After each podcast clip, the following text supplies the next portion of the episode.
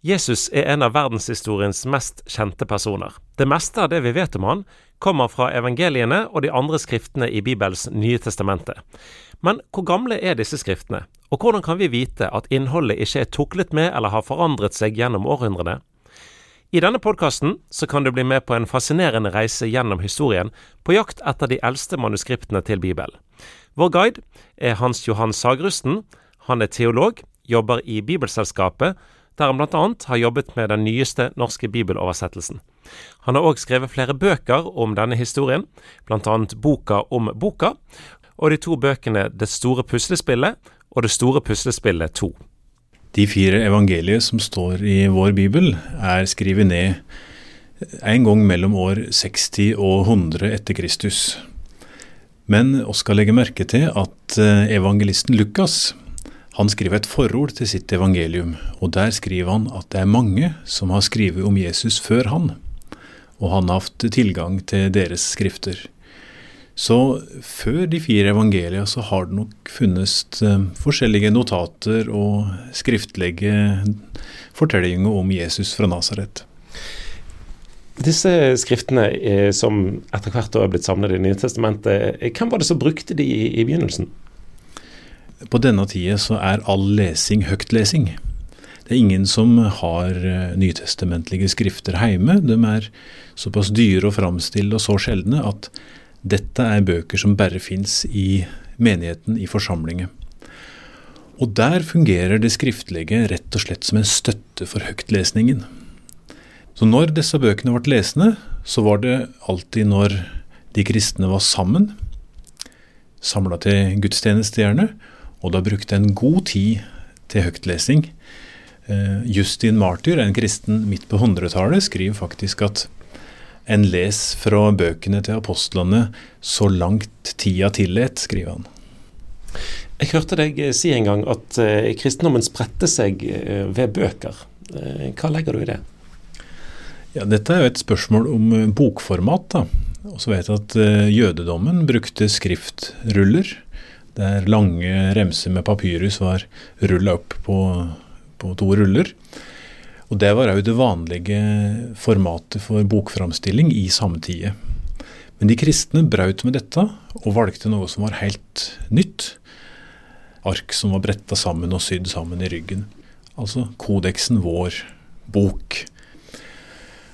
Og eh, fordelen med en kodeks, en bok, var at den var lett å ta med på reise de kristne reiste på kryss og tvers av Middelhavet, både nord-sør mellom dagens Tyrkia og Egypt, og øst-vest mellom dagens eh, Israel og Italia og Hellas, det er ganske tydelig. Og da hadde de med seg bøkene. Og de kristne var så kjent for å støtt ha med seg ei bok at de ble kalla for bokfolket. Boktrykkerkunsten kom jo ikke før på 1400-tallet, men eh, bøker ble jo kopiert likevel. Hvordan da? Ja, det er nesten ufattelig for oss i dag å tenke på det, men hvert eneste eksemplar av ei bok før 1400-tallet er skrevet for hånd. Så skulle du eh, ha ti eksemplar av ei bok, så måtte de håndskrives. Ett eller flere mennesker måtte sitte i timevis, kanskje dagevis, med nitidig kopiering bokstav for bokstav, ord for ord, fra ett manuskript til et annet et. Og ut fra den opplysningen tror oss kan våge påstanden at det er ingen dårlige bøker fra antikken som har overlevd. Ingen gadd å sitte og håndskrive i timevis ei bok som ingen likte. Så de bøkene som har overlevd til vår tid, både kristne og mer allmenne bøker, må ha vært bøker som en eller annen så en verdi i, som en likte, eller tenkte dette er viktig å videreføre til senere generasjoner. Og de første kristne menighetene begynte tidlig å samle de mest brukte skriftene sine i kodekser, altså bøker. Paulusbrevene var kanskje de første som ble samlet mellom to permer, forteller sagrusten. Ja, de hadde jo en del kontakt seg imellom, de kristne forsamlingene. Og det er klart de fikk raskt høre om det, at hvis nabomenigheten hadde fått et brev fra Paulus, så ville de gjerne ha en kopi for å lese den i si forsamling òg. Og håndskrive en kopi og ta med seg dit, og så sprer det seg videre. Så I god tid før århundre så har en fått samlinga av, av Paulusbrev. Så mange Paulusbrev som den forsamlingen kjenner til og har fått tilgang til, sammen i ett bind.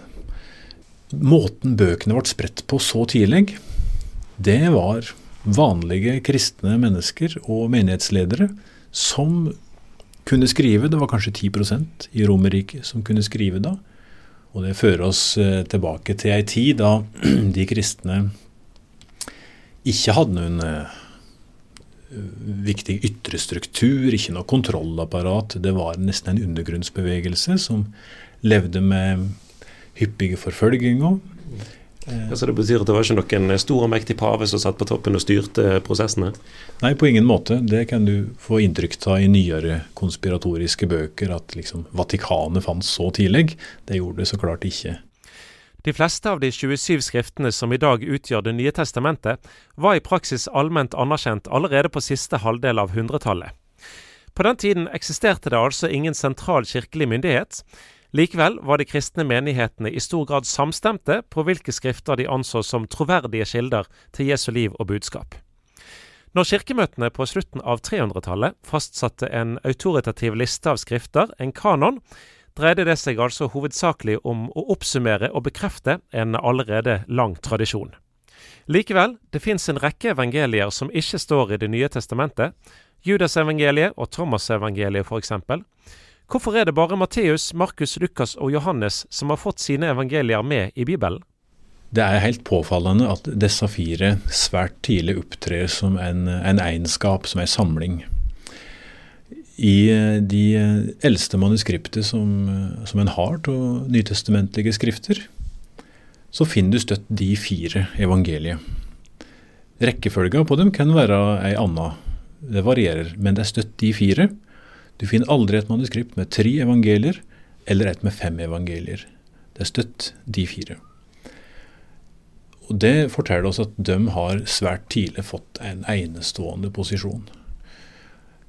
Hovedgrunnen til det er rett og slett at det som i dag er kjent som apokryfe evangelier, er skrevet mye seinere, stort sett. La oss si mellom år 150 og 300 etter Kristus. Så de er da mye lengre fjerna fra Jesu tid rent tidsmessig, og er da dårligere historiske kilder. De er en slags, ja, ofte en slags folkelig, from videredikting på, på evangelia. Folk har levd seg inn i de delene av Jesu liv som de fire evangelia ikke forteller om, f.eks. Jesu barndom. Og slik har det oppstått en hel mengde med barndomsevangelier. Men det er jo en del eh, forfattere, og Dan Brown er vel den mest kjente av de som, som hevder at kirken har holdt skjult eh, eldre evangelier og eventuelt har lagd, eh, redigert nye varianter, og at, at evangeliet som vi kjenner det i dag, er blitt til, eller i hvert fall samlet, så sent som 300-tallet. Det du sier nå, stemmer ikke helt overens med, med de teoriene? Nei, den mest kjente boken til Dan Brown er jo Da Vinci-koden, som er en spenningsroman. Og som spenningsbok så er hun kjempegod, men som historiebok så er hun dessverre svært upresis. En av hovedpersonene i Da Vinci-koden sier at det var på kirkemøtet i Nikea i år 325 at det ble bestemt at de fire evangeliene skulle være med i Bibelen og at keiser Konstantin, den første kristne keiseren, fikk kasta ut de evangeliene som før sto i Nytestamentet, og plassert inn de fire som hen likte best. Det er jo en voldsom påstand. Hvis dette er sant, så er vårt Nytestament ei forfalsking. Og der er det det kommer inn dette som jeg har skrevet bok om i det store puslespillet. Eh, funn av gamle manuskript så gamle bøker av nytestamentlige skrifter at de til og med daterer seg til før kirkemøtet i Nikea. Før 300-tallet, langt ned på 200-tallet, til og med ned på 100-tallet etter Kristus, så har en i dag funnet rester av bøkene som de første kristne brukte. Og da går det an å sammenligne. Er det fire andre evangelier som står der, eller er det de fire oss kjenner fra vår bibel? og Sjølsagt så er det de samme fire som står der. Du finner støtt Matteus, Markus, Lukas og Johannes. Straks skal du få høre om hvordan det eldste fragmentet vi har av Det nye testamentet ble funnet. Det er en bit av Johannesevangeliet som ble funnet i en sandhaug i Egypt for eh, omtrent 100 år siden, sammen med hundretusenvis av andre dokumentrester. Men Det nye testamentet ble sannsynligvis opprinnelig skrevet ned på papyrus, noe som ligner et litt grovt papirark. Her har jeg et eh, papyrusark som er kjøpt fra Egypt. Eh, grovt, stivt eh, papyrus. Et sterkt materiale, men det var én ting det tålte dårlig, og det var fukt. Den eneste plassen de har overlevd, det er i Egypt. For der var klimaet så turt at noen gamle papyrusbøker kunne, kunne overleve i nedgravd i sand og i sammenraste ruiner. Så Det var det vanlige skrivematerialet for alle bøker i antikken, fram til et annet materiale tok over. Og Da er vi ute på 300-tallet etter Kristus. Da kommer pergament inn. Her har jeg et pergamentark. Ja, Det ser annerledes ut. Det er jevnere i strukturen. Det har ikke den eh, fibrene på kryss og tvers som papirhusene hadde. Nei, ikke sant. Her på pergament så ser du at dette er dyrehud. Så får du et, et sterkt ark som kan vare i århundre etter århundre.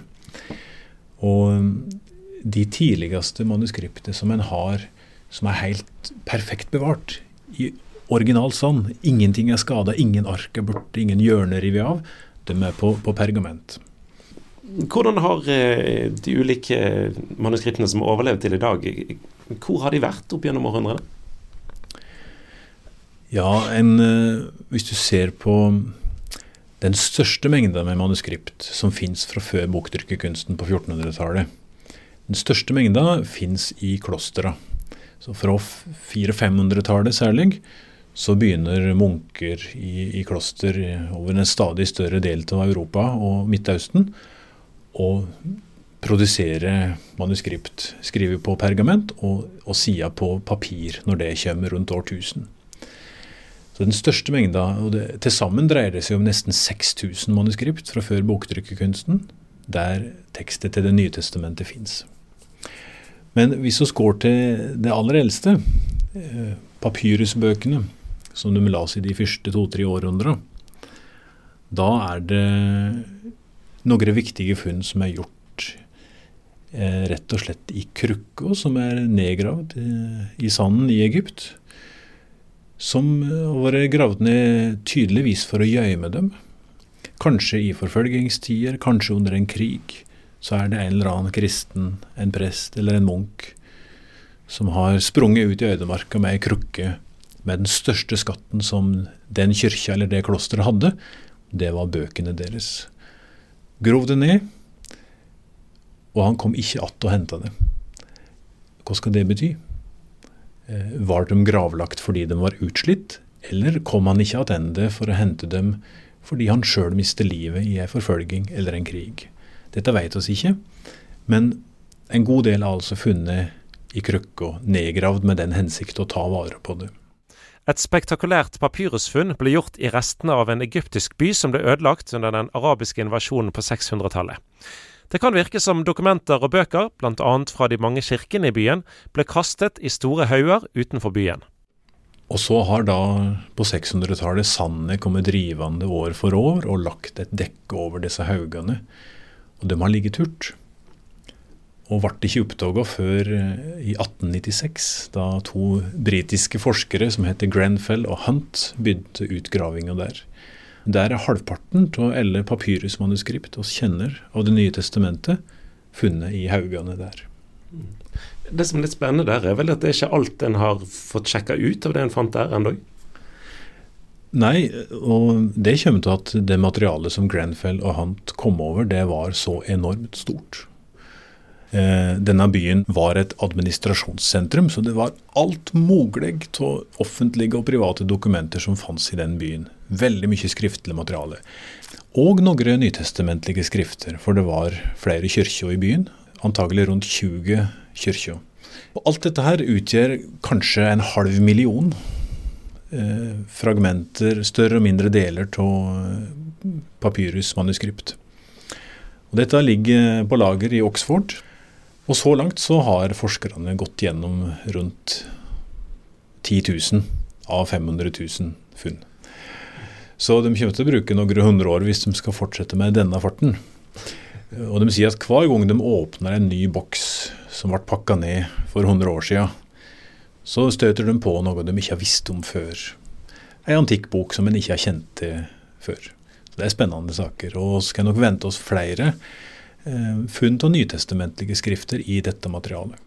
I mengden av håndskrevne manuskripter av hele eller deler av Det nye testamentet finnes det ulike kategorier, forteller sagrusten. En stor bolk er noe som blir kalla leksjonarier. Det er en slags tekstbøker. Um, Ca. 2500. Um, og det er da ikke komplette nytestamenter, men det er utdrag av de tekstene som en brukte i, i gudstjenesta. Dette opplegget har oss i dag òg.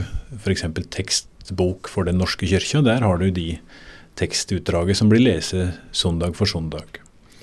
Så fins det òg noen manuskript som er hele Nytestamenter, hele bibler.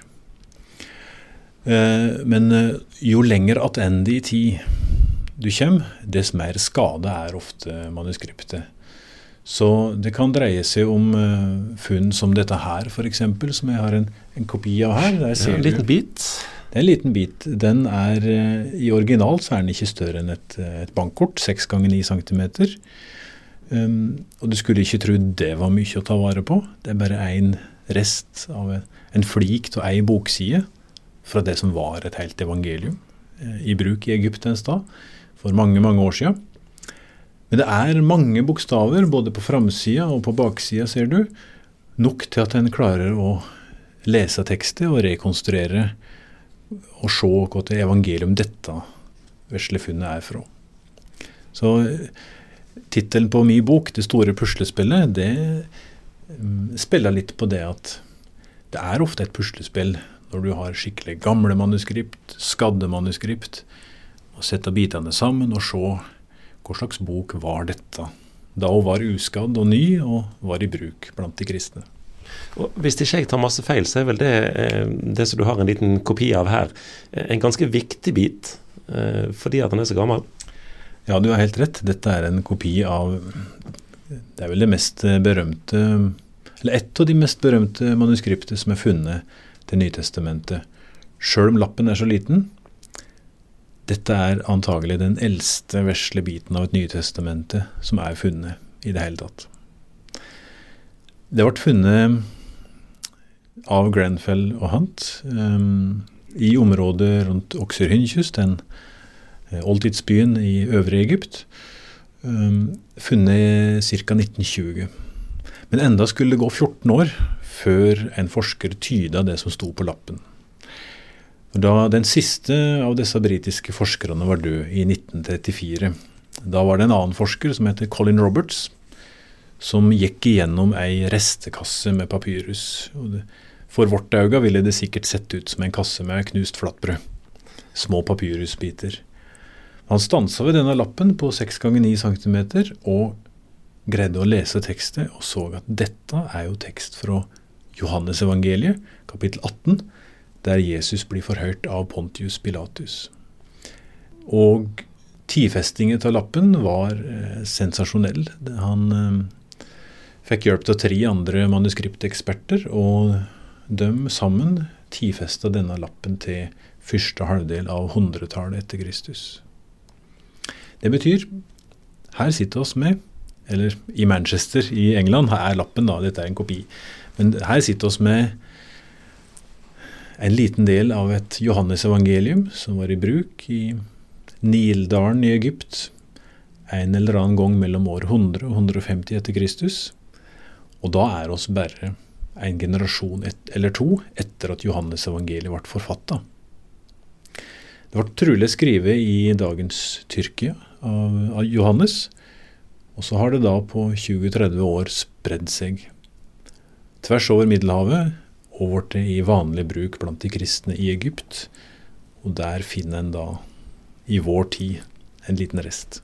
En av utfordringene som forskerne som jobber med manuskriptene til Det nye testamentet har, er å finne ut hvor gamle de ulike manuskriptene er i forhold til hverandre. Men kanskje er det ikke fullt så komplisert som en skulle tro? Hvis du tar et håndskrevet brev du har skrevet, og legger ved sida av et brev som din bestefar skrev rundt 1950, og et brev fra tippoldefar rundt 1900, da ser du at skriftet er forskjellig. Måten å skrive en A på, en P, er forskjellig fra århundre til århundre. Og Den metoden kan en følge langt tilbake i tid. Og Noen ganger har en eh, manuskript som er påført en dato, og da vet en sikkert slik var håndskriftet rundt det årstallet. Så kan en sammenligne og finne ut at manuskripter som ikke har en dato påført, antagelig er fra samme århundre ca., eller samme halve århundre. Og så er det en annen metode som vel òg er brukt i noen grad, i alle fall. Men da må en klippe en liten bit av eh, manuskriptet det gjelder? Ja, det er sånn karbon 14-datering.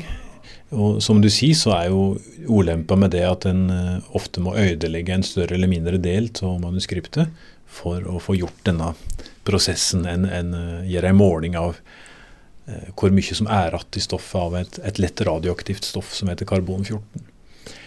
Og når en har å gjøre med ganske små fragment av et manuskript, da har en ikke lyst til å ødelegge den minste del av det. Men det viser seg jo at paleografisk metode, da en daterer håndskrifter, er minst like nøyaktig som denne som daterer skrivematerialet. Noen manuskripter har jo blitt funnet på mer spektakulære måter enn andre.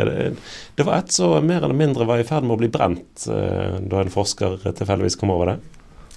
Ja, det er en ganske kjent historie som eh, oss har fra dagboken til den forskeren som gjorde oppdagingen.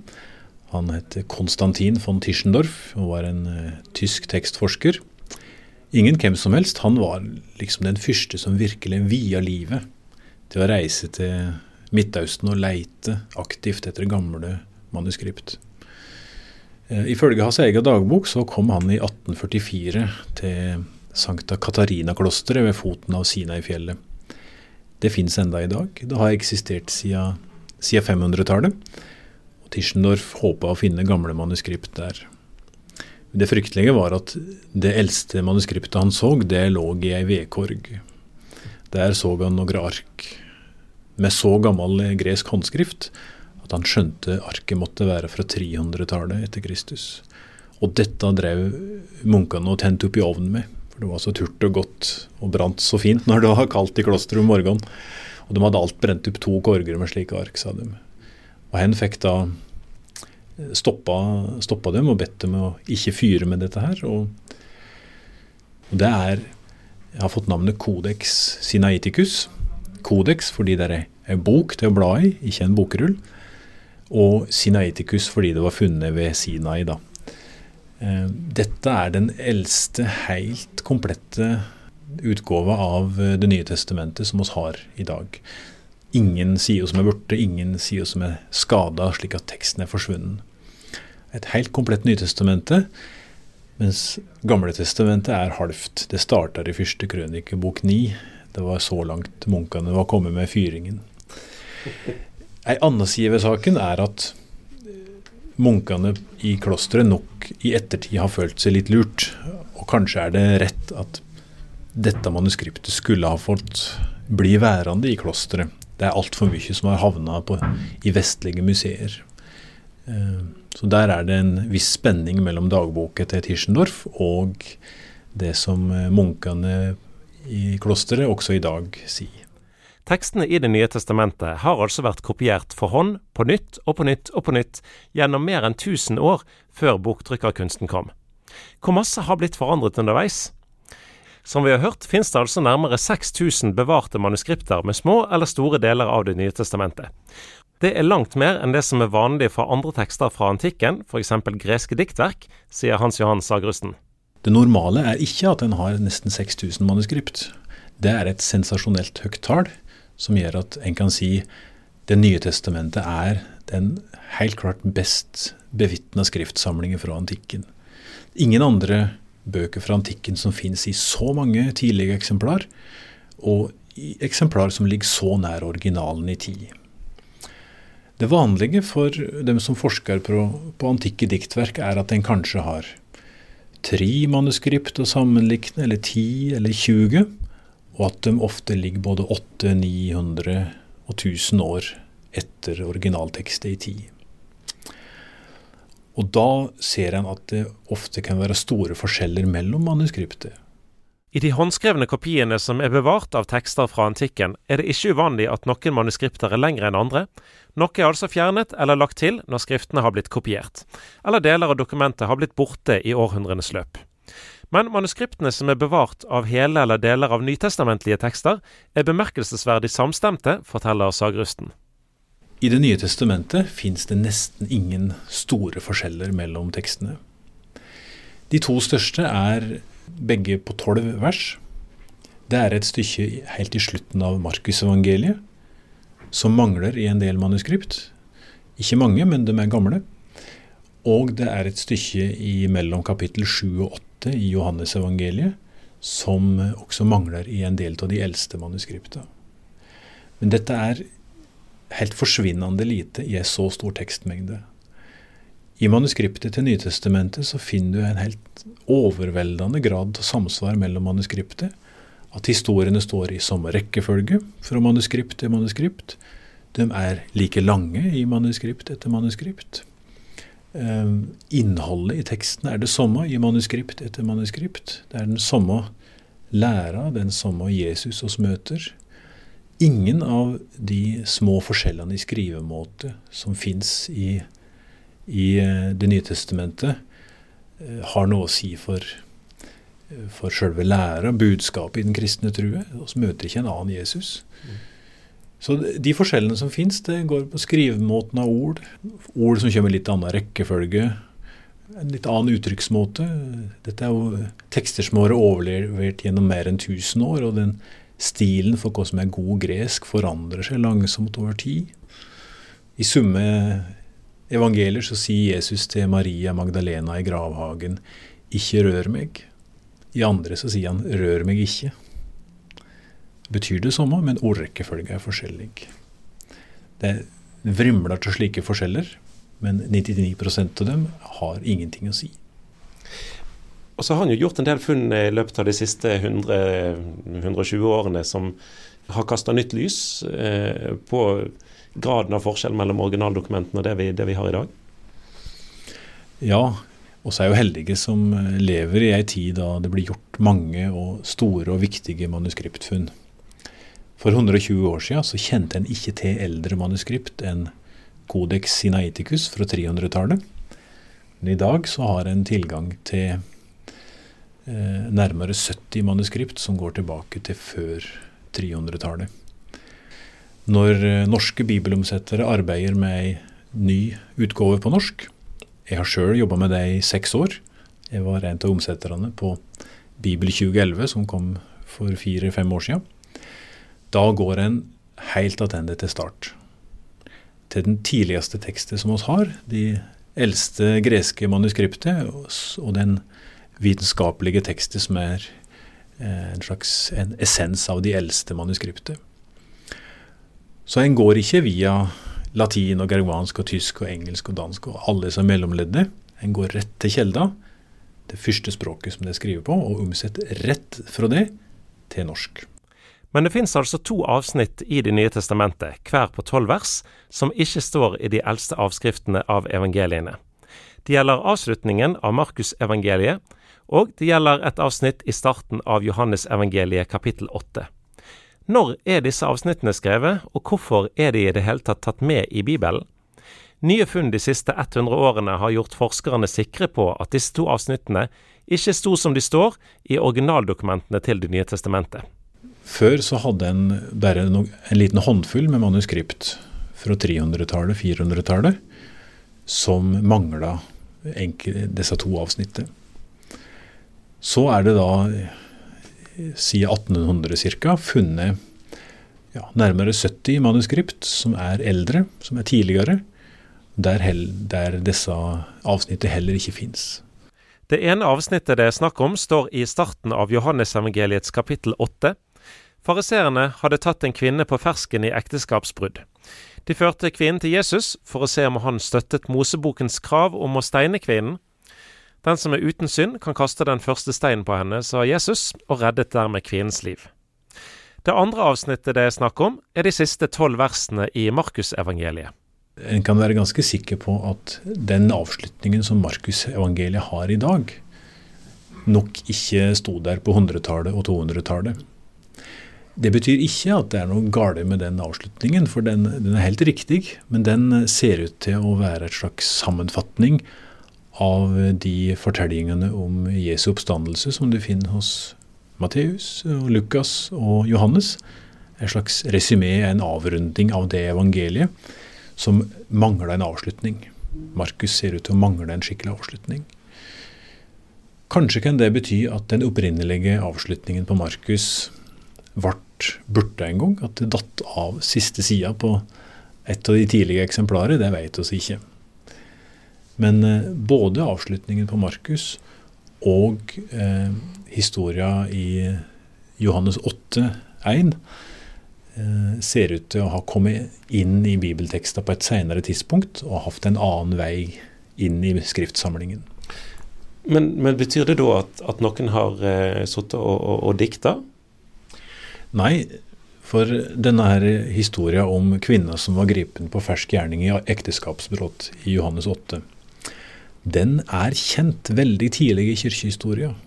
Du ser eh, kristne kirkefedre, som de blir kalt, både på 200-tallet og til og med på 100-tallet etter Kristus, kjenner historia, siterer henne og bruker henne som eksempel når de preiker og skriver og forkynner. Men det er ei historie om Jesus som enda ikke har landa på én fast plass i evangelia. Den dukker opp flere plasser. Den dukker opp både til slutt i Johannes evangeliet, til slutt i Lukas evangeliet, en plass i kapittel 21 i Lukas evangeliet kan hun dukke opp i enkelte manuskript.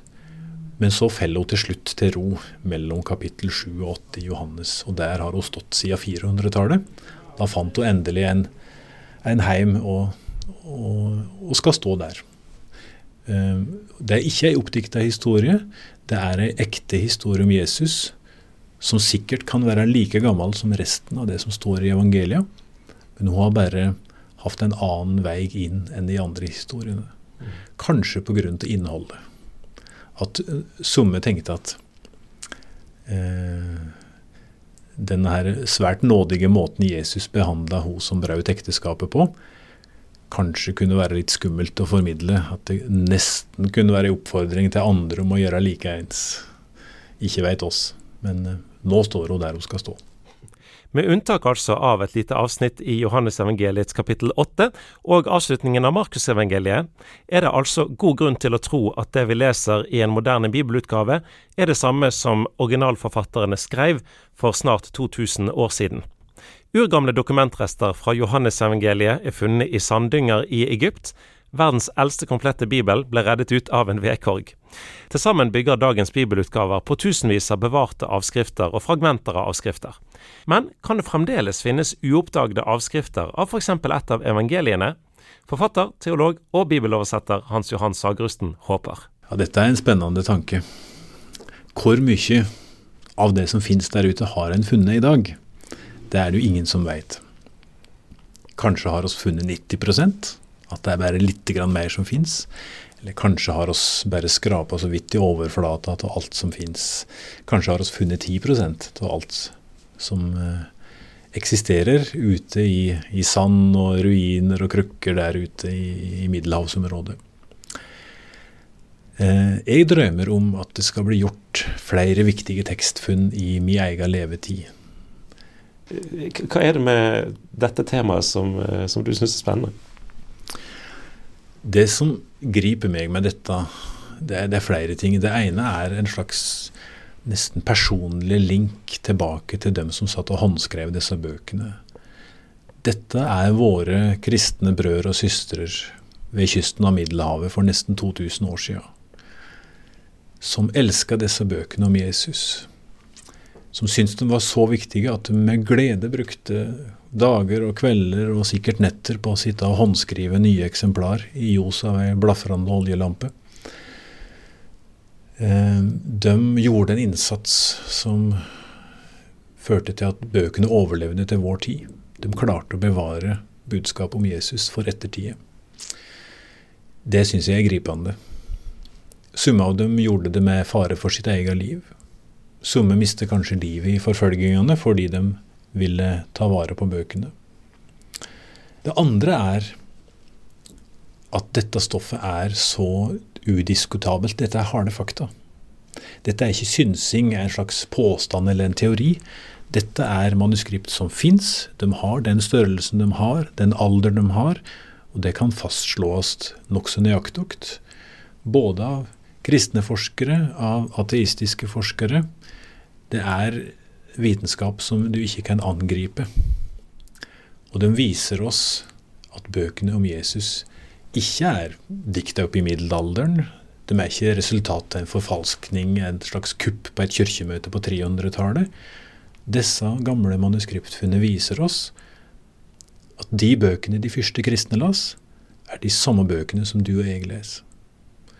Når jeg åpner min bibel og leser et bibelord og tenker åh, det trefte meg, det var et fint bibelord, så kan jeg vite at for 1700-1800-1900 år siden så har kristne sittet i, i landet rundt Middelhavet og lytta til høytlesning av de samme tekstene, og kjent det samme.